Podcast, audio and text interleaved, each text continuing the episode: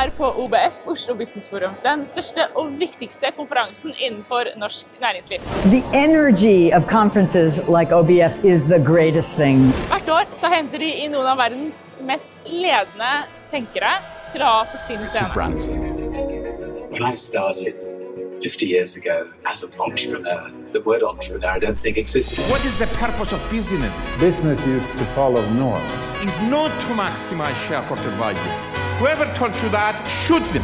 If there's one thing history has taught us, it's that it's very difficult to predict the future.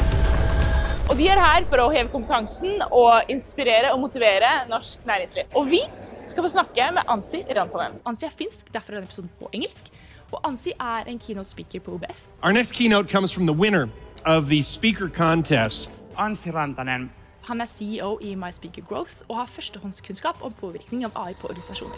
Did you know that 52% of Fortune 500 companies have disappeared since the year 2000 because of digital disruption? Han er en ledende stemme innenfor AI, men også innenfor growth mindset, psykologisk trygghet, teamarbeid og eksperimentering. Vi skal snakke om AI og mennesker. Hvordan kan vi bruke AI i våre virksomheter, og hvorfor er menneskene så viktig? Hvorfor syns noen det er enklere å bruke nye verktøy, mens andre syns det er mer krevende? Før vi slipper Ansi til, så vil jeg minne om livepoden vår. Dette er faktisk vår 99. episode, og det betyr at bare om noen få uker, altså den 18. oktober klokken 16, så skal vi feire 100 episoder, og vi vil gjøre det med deg. Det er noen få plasser igjen, så gå inn på smidigpodden.no slash 100 for å sikre deg en plass. Jeg vil også takke Smidigpodden Fellesskapet for at dere støtter oss og liker det vi gjør. Vi verdsetter hver eneste en av dere og er utrolig stolte over at dere ønsker å være med oss. Og dersom du liker det du hører, så kan du så klart gå inn på smidigpodden.no og bli medlem av fellesskapet vårt. Men vi setter også enormt stor pris på om du gir oss en review, en like, en share eller abonnerer på den plattformen du hører Smidepodden på. Dette er utrolig fint for Smidepodden sitt mål om å nå til enda flere mennesker med kunnskap og inspirasjon. Til sist vil jeg takke våre partnere som gjør Smidigpodden mulig. Våre hovedpartnere, Capra og Sparebank1 Utvikling, og vår partner Nist. Og nå over til Ansi. I haven't been to Oslo Business Forum before. I've been to Oslo many times, and Yeah. I love Oslo, so I was super happy to to get invited here. I spoke at Nordic Business Forum a couple of years ago, uh, so the Finnish like equivalent. Yeah. But, uh, yeah. Cool. Yeah. Uh, we listened to that talk, so I think Nice. that, uh, that's just something we want to touch into because the key takeaway for me was that um, I heard it now, and now for me it's kind of makes a lot. Of, it, it makes a lot of sense because it's. But you did it like four years ago or something. four or five years yeah. ago, yeah. And that's for me is kind of mind blowing because Yeah. it's um, a lot of these things have happened right now or the last year or Yeah. so, but you were so early. Well, I, I, there's a great saying that I really like from Silicon Valley that, that the future is already here, but it's not evenly distributed. Hmm. So what that basically means is that like the most futuristic technologies that you could imagine like pretty much already exist, but they just haven't been distributed widely yet. So again, like four years ago, I was able to create the brand, the website, the chatbot in five minutes. Like that's already been around for like seven or eight years. Of course, now with generative AI, um, it's being like really supercharged, um, and I think the capabilities of the tools are just way more powerful than what they used to be. But um, but yeah, it's it's as timely now as it was four years ago. Maybe more timely now than when it was. Yeah. Could you, could you tell me a little bit about how you kind of slided in in that kind of area and what, Yeah. a little bit about your background, how you kind Yeah. of ended up? Because it's, I think it's, as, you, as I said, I think it's, you were an early adapter. Sure. And it's maybe not that, because I think nowadays Mm-hmm. most people know about it, have heard about it, but back, in day, back then it wasn't like that. So how, how did that happen? So, um, the way that I would maybe summarize it is that I've always been really interested in finding out ways um, that have a very big impact with very little input. So I don't know if you guys have you know read like Tim Ferriss' Four Hour Work Week, but you know I was really influenced by that kind of work, you know seven eight years ago. You know one one element that he talks about is the 80-20 principle. So what are the Pareto principle? Like what are small things that can have a disproportionately large impact? Some might call it like hacks or like growth hacking. That was something that was talked about a lot at one point and still is to some extent. But but like that theme has been something that I've always been really interested in. Like what are what are things that can be done that don't necessarily take a lot of time or energy but can have a huge impact, right? And of course leveraging technology like that is the ultimate sort of tool to generate more impact than like what you can do just like linearly, right? Um, but yeah, like I studied economics. Um, I worked at Google for a couple of years, um, but and now I've been an entrepreneur for five years. But like really, that's that's for some reason like my natural curiosity has always been towards those kinds of things. Um, so that's maybe how I would summarize it. And um, and again, like I'm more maybe interested in like the um, universal principles and the common sort of denominators as opposed to like hey try this tool and this hack like this is great like i'm more interested in like the philosophy that underpins it right which is again like this sort of like 80-20 thinking etc so yeah a bit of a meandering answer but maybe you got something from it So yeah. this is really interesting because in uh, when you when you talk about all this, you remind me of Tobias a lot. Yeah, this is like this is what he talks about. This is what he does. Yeah. Like he he makes our lives better that way. Um, I'm not like that. It's not like I'm not interested, but Yeah. it doesn't come natural to me. Sure. And so in a way, I'm thinking like uh, you are like one uh, kind of like sort of organizations that are very like innate in take using this technology, thinking like this. Yeah. And then you have the other kind of organizations that they they're not opposed to it. We just don't think that way right now. What do you think is like the differentiator between them? How can that organization kind of bridge the gap? Um, so, like, what I would actually say is that, like, I'm not the person that is like, I, I don't generate a lot of new ideas. Like, what I do is I just read a lot and follow, right? So, so I'm not a generator of ideas. Um, I'm more just like naturally curious and, and, and read and see what other things do, what other people do, et cetera. And I just sort of steal from them. Like, that's the way I sort of think about it, right?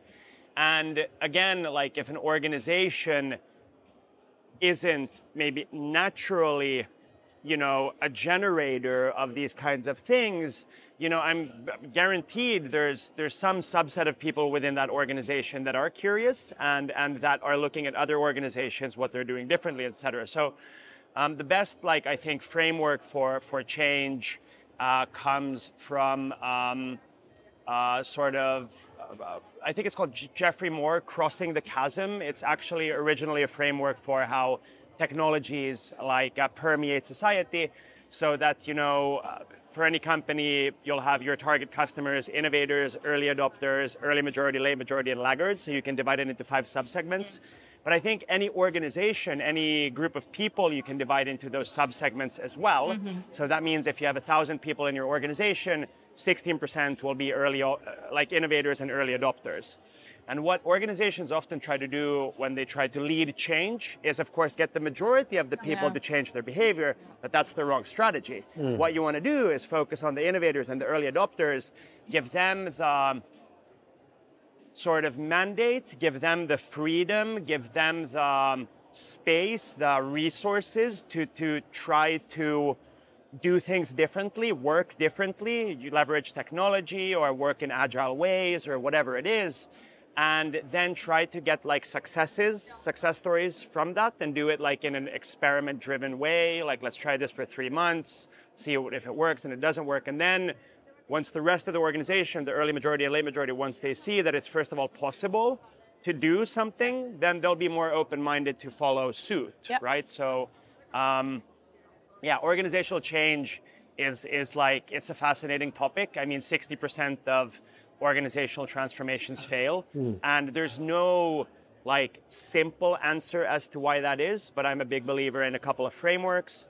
Crossing the chasm is a good framework, and then I there's agree. also uh, Kotter's uh, eight steps to change, which I think is another really good organizational change Personally, I framework. prefer Adkar. Have you heard about it? Sorry. Adkar, have you heard about it? I've heard about it's it, kind of an alternative to Kotter. it, yeah. It's an alternative to Kotter, but it's not Yeah. that it's not that much steps. It's Sure. a bit, it's not iterative, but Yeah. you can use it a bit more iteratively. Sure, sure, sure. So. Uh, I think it's a very good tool as well. But there's many ways to skin a cat, like, and I think that's like there's no there's no right or wrong answers. Like there's really no right or wrong Exactly. answers, and I never tell anybody that this is what you should be. Like you need to figure it out for yourself, and every company is different context, etc. So. Um, that's the exciting part about it, but that's also the challenging part about Yeah. it. Like there are no silver bullets. Yeah. But we as humans, we love to want to simplify things. We want silver bullets. We want simple answers. Do this, and you'll get this outcome. But humans are incredibly complex. Organizations are super complex. So it doesn't work that linearly, and that's just something that we have But to then you have this, gr- but then I, you know, I, I buy your argument even more about the, you know, investing in the early adapters and the people that want to experiment. Like, Yeah. let them play. For sure. Let them do things, experiment, let them fail, let them succeed, and then everyone Yeah. else can kind of follow suit Yeah, when yeah, they've figured out kind of it, what it works. For sure. Yeah. Um, I would like to go back to you. You spoke about um, like you're not a linear thinker. You you you, you Yeah. decouple input, output, and outcome. Sure. And I think that's something we speak, speak about a lot. And I think that's um, I, I would say that that's uh, maybe one of the biggest problems in many companies. Yeah. That they think that if they do the work, Yes. they will get a lot of things done, Yeah. and they will have the effects of that. But that's seldom true. And and and I that's I was thinking and how because I think that's that that's the clue. Do you have any advice for companies or people working in companies that have a very linear thinking and how to kind of get out of that Yeah. mindset? I would call it. Yeah, yeah. I mean, so uh, read the Checklist Manifesto. Like that's that's a great book on like systems and thinking in systems, and um, it's written by a surgeon called Atul Gawande, who basically he implemented a checklist uh, in surgery rooms in the United States. And the checklist takes two minutes to run through at the beginning of every surgery, right? So it's like a very small intervention, but it reduced, I think, like major complications by 60% and accidental deaths by 24%. So again, super simple intervention, massive outcome, right? Yes. And that's like a system level improvement hmm. where basically you're looking at the system, you're zooming out, looking at the system, and trying to first of all, of course, understand like root causes. Like, okay, what is the root cause of hap- mistakes happen in surgeries? Well, the team doesn't know each other. There's a very hierarchical culture. There's not, you know, transparent communication. Okay, let's try to intervene with a simple sort of checklist. And it's a great book. Like the Checklist Manifesto is a great book. And then there's another really good book called Upstream by Chip and Dan Heath. Again, fantastic book about systems thinking, because I think like that is really the key on how small interventions can have a really big impact on on like the system, like the outcomes of the system. So um, yeah, get acquainted with systems thinking. Like those are good, two really good books that, that I recommend. Um, yeah, yeah, or that's at least what I would come to mind. I mean, we could talk about this for like an hour, but like the, the the short answer is like you know check out those those resources. Yeah. Awesome. awesome. Yeah. Um, which, um, I think it's at least today. There's a lot of hype Mm-hmm. in the AI space, One hundred percent. and there's also some strong uh, voices Yep. that we need to slow down. We need to think really about what we are going. Yeah. What's your take on all this discussion? Yeah. What what do you what what do you think we should do? I think it's great that there's discussion. Yeah. so again, like I look at it from a high level systems point of view. Yeah. I think it's fantastic that there's a lot of people that are critical and there's a lot of people that are very bullish, right? Like that is why governments usually work is that you have the governing party and then you have the opposition party, right? There's checks and balances. So on a high level, I think it's super good that there are um, that there are like opposition forces discussing this. Um, I mean, yeah, generative AI is right now, according to the Gartner hype cycle, at peak hype. So there's like a lot of promises being made, some of which might or might not be fulfilled in the short or long term.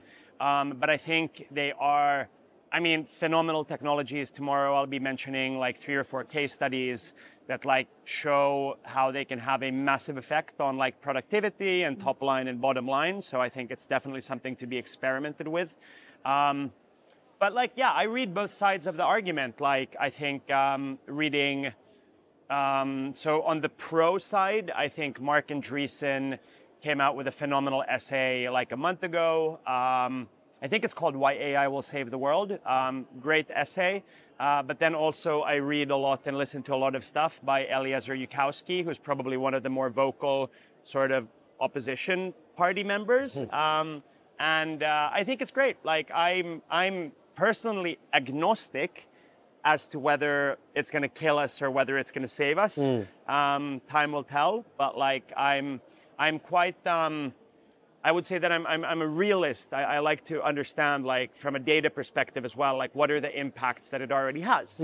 And there's a lot of positive impacts that it already has in, in many different parts of organizations and society, et cetera. So, yeah, like, I, I'm, I'm personally, I try to be as non religious about everything as possible. Hmm. And the interesting thing is that I think both sides here are like almost religious Yeah. in their point of view. Yeah, and that's what normally happens, I would say, in, in, in any discussion. And I think it's a good thing. Yeah. To be honest, I think it's a hmm. good thing. Hmm. I think there's a good thing that there's a lot of discussion, like for and against. Yeah. So I think it's when when you say whether it's going to kill us or not, Yeah. it makes me think about this. It's a tweet that I read years ago, and Yeah. I still remember it today. Uh, and it said uh, someone tweeted. Just a normal person tweeted, um, I don't know what everyone's so worried about. If the robots take over, we can just throw water at them. And Elon Musk answered, You're so right. Yeah. That's what I think about. But um, Yeah. but uh, what do you think? I mean, there's a lot of talk about as well, like, oh, it should be okay to use AI for this or not this. Like, Yeah. for example, the typical example is like in schools, right? Yeah. So, do you have any thoughts about that? Ah, that is like that is a really interesting and challenging topic. Um, I do think that like uh, there's there's a good quote from Andy Grove, um, you know, the founder of Intel. He was asked like many decades ago, like, is the is the chip like is it a good thing or is it a bad thing, right? And he said that well, like it's, it's a silly question. Like the chip is like steel. Like it is. It, it just is a thing. It's up to us to decide whether we make it a good thing or a bad thing. Hmm. It's like a hammer. Like you can build a house with it, or then you can kill someone with it. It's it's a tool, right? But of course, the, the, the counter argument is that, you know, AI, and especially if we someday get to something even close to AGI, artificial general intelligence, um, that they will have powers and knowledge so powerful that this is like a technology unlike any other. Um, I don't know. Like, I, I really don't know what like what the long-term future is going to be like. But I, but I, I'm, I'm more interested on the short term, and I think on the short term, you know, there's been discussion about like banning AI or like slowing the progress of AI, and um, you know, one Silicon Valley technologist, Ben Horowitz, said that you can't you, like you can't ban AI. It's like it's mathematics, hmm. like it's it's math. And you can't ban math. How are you going to ban math? Like it's already out there. Like you're not going to be able to ban. Like what are you going to do? Like ban math? You can't take it back. You can't take it back. No. Like the genie's out of the box, right? So again, like then we can think from like uh, I don't know semi first principles. Like these technologies are sort of here to stay. You can't put the genie back in the box. Um, so then like if we assume that tools like ChatGPT are going to be available to everybody, like, do you want to ban them from school, or do you want to be a professor that teaches your students how to use them and leverage them to do maybe better work, right? And there's a lot of interesting studies, or not studies, but like case studies. Um, you know, a couple of professors at like Stanford, they're just like telling their students, yeah, like I want you to work out these problems, and you have to use ChatGPT. Like you have to use DALL-E, you have to use Midjourney. Like you're not allowed to do this assignment without using these tools. And again, I think personally, in the short term, that's the more right approach because the, the genie is out of the bottle. Like you're not going to be able to put it back, right? Yeah, and it's Yeah. it's a good thing as well. Like if you don't learn it early, then you're going to be a lagger. For sure. you're going to fall Yeah, yeah. behind. I mean, we because everyone have- else is going to use it. We had calculator. We, I had a graphic calculator in school, and it was Yeah. very helpful to Yeah. solve certain equations. Like these are just, you know, they work with a bit of a different kind of structure. Like, um, but but they're just like very sophisticated calculators. Um, do you want your kids not to use calculators? But it's But my, my, my, my math teacher, he had a very good kind of approach to it. He, he said that if you want to just be approved, you're at the lowest grade. Yeah, yeah, yeah. I, it doesn't matter for me if you do like this, this, or this. Sure. But if you want to do have the highest grade, Yeah. you have to show me that you can do it with all the tools that you have. yeah, yeah, yeah. So that's uh, kind of his approach. Uh, Yeah. His uh, way, way of going forward on it, and I think that's for me that was very. Um, it kind of hit me very well, and Yeah. that was, and I think that's a good way to look at it. It's it's Yeah. a tool, and it's good if you know how to use it, and then you can choose if it's a good fit or not, Yeah. and you want to combine it with other tools. And I also think like what we should teach people to do is we should teach people how to think, hmm. how to problem solve, not how to get to the right answer. Hmm. Like we don't that's not the point of school in my opinion. I went like I was never great at school because like I didn't really have a lot of teachers that taught me how to think. I just learned how to give the right answer and I you know like Same here. and I learned like I've learned the fundament the foundations of math. I've learned them in like the past five years because when I was in school, I didn't have a good engaging teacher that taught me like the logic and, and the philosophy and the like foundations of numbers and how math works. Um, I think like that that's what we should be teaching, right? Um, more like the universal principles that underpin, you know, the, the, the sciences, for example, or human science or whatever it is, as opposed to just like how to get to the right answer. So yeah, I think education is in for, um, I mean, a revolution in education is long overdue, but I think we'll, we'll, we'll see how and when it arrives because um, the education system uh, isn't very quick to adapt. So we'll, we'll see how that unfolds. Yeah. It's interesting because uh, we've spoken a lot about that with our about with regards to our son that this will be our responsibility in Yeah. his upbringing to make sure that he gets this mindset. And, Yeah. yeah.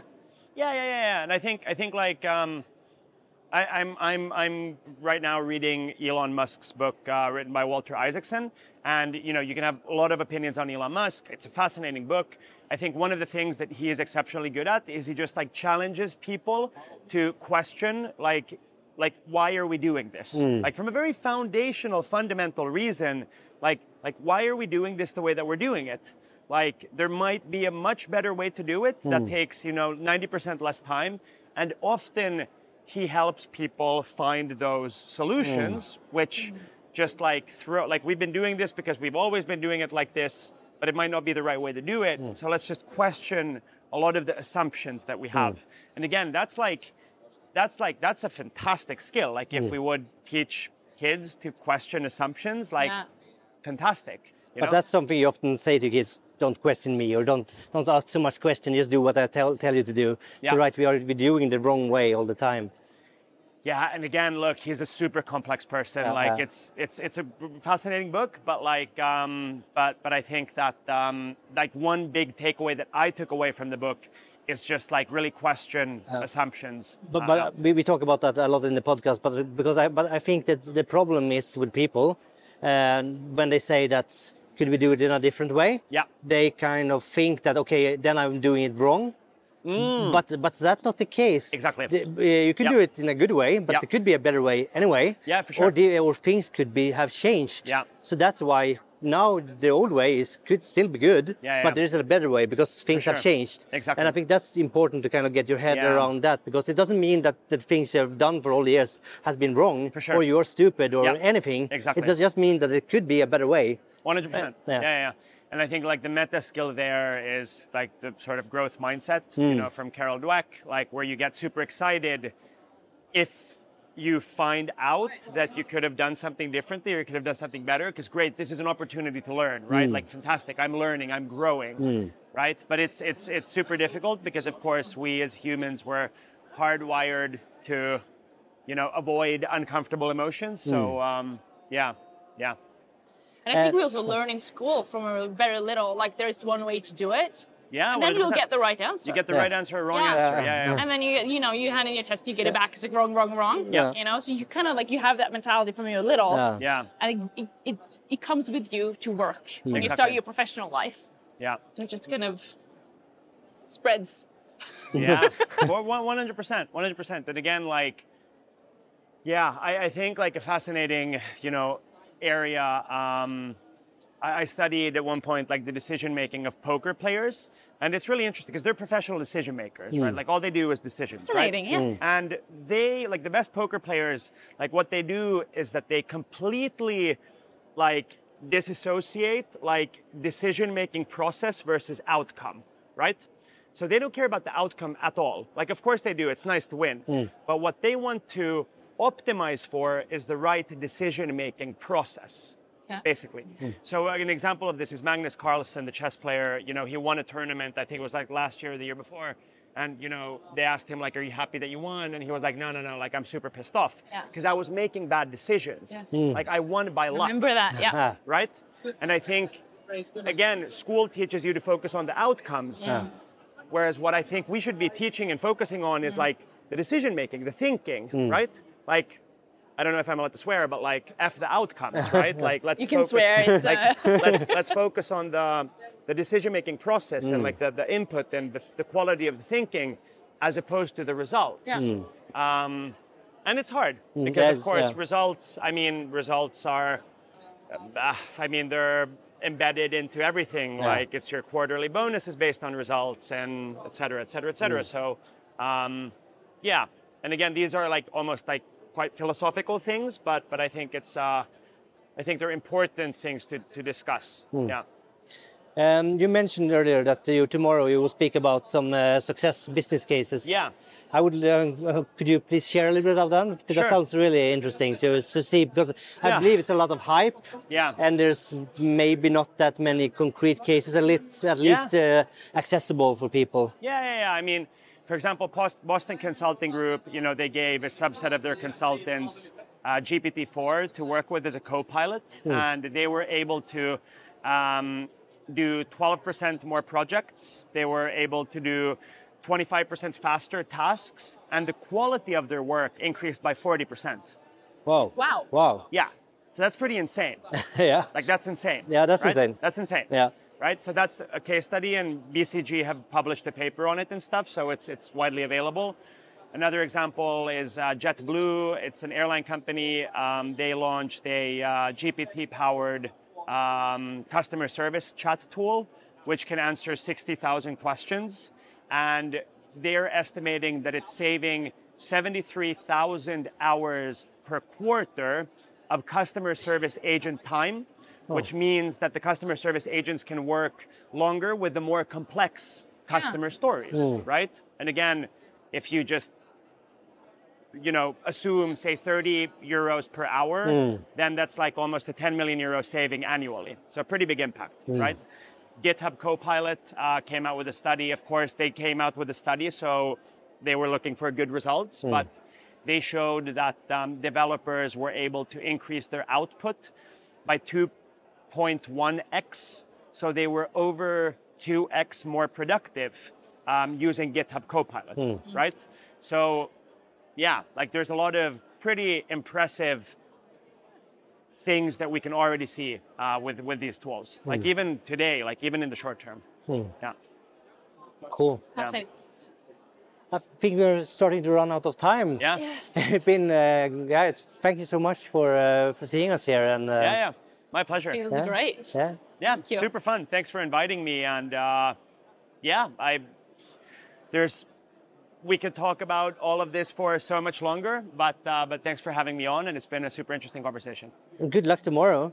Thank you so much. Yeah. Thank you. Thanks. And we are recording this podcast with Nemono's Sound Capsule.